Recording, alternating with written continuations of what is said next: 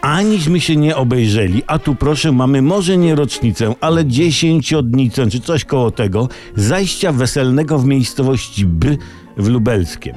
Najogólniej impreza weselna zablokowała przejazd na posesję sąsiadki mieszkającego obok domu, gdzie było wesele. Stąd można ją nazwać sąsiadką. Nie no, bo mieszkała obok, właśnie, stąd sąsiadka oczywiście.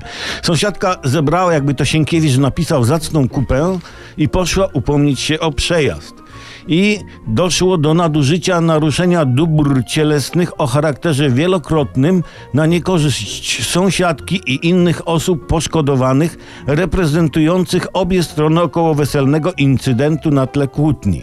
Inaczej mówiąc, odbyła się regularna naparzanka, której rozmiary predestynują ją do miana bitwy. Może nie największej bitwy, może nie na miarę tej pod Grunwaldem, ale jeśli chodzi o kategorię starć weselnych i nie tylko, było to starcie imponujące, przyćmiewające choćby bitwę pod trampolinami, gdzie Spartanie darli koty z Persami. Rozumiecie śmieszność? Koty z Persami. Okej, okay, dzięki. Śmieszne, śmieszne, to jest śmieszne. No, analizując, analizując przebieg batalii, teoretycy militarni wskazują, że można było jej uniknąć, gdyby interwencja kupy sąsiadki nastąpiła później. Między rosołkiem a pieczenią, kiedy wujkowie weselni są po paru, pół koszuli wystaje już im ze spodni i na ustach występuje silina przed następnymi paru.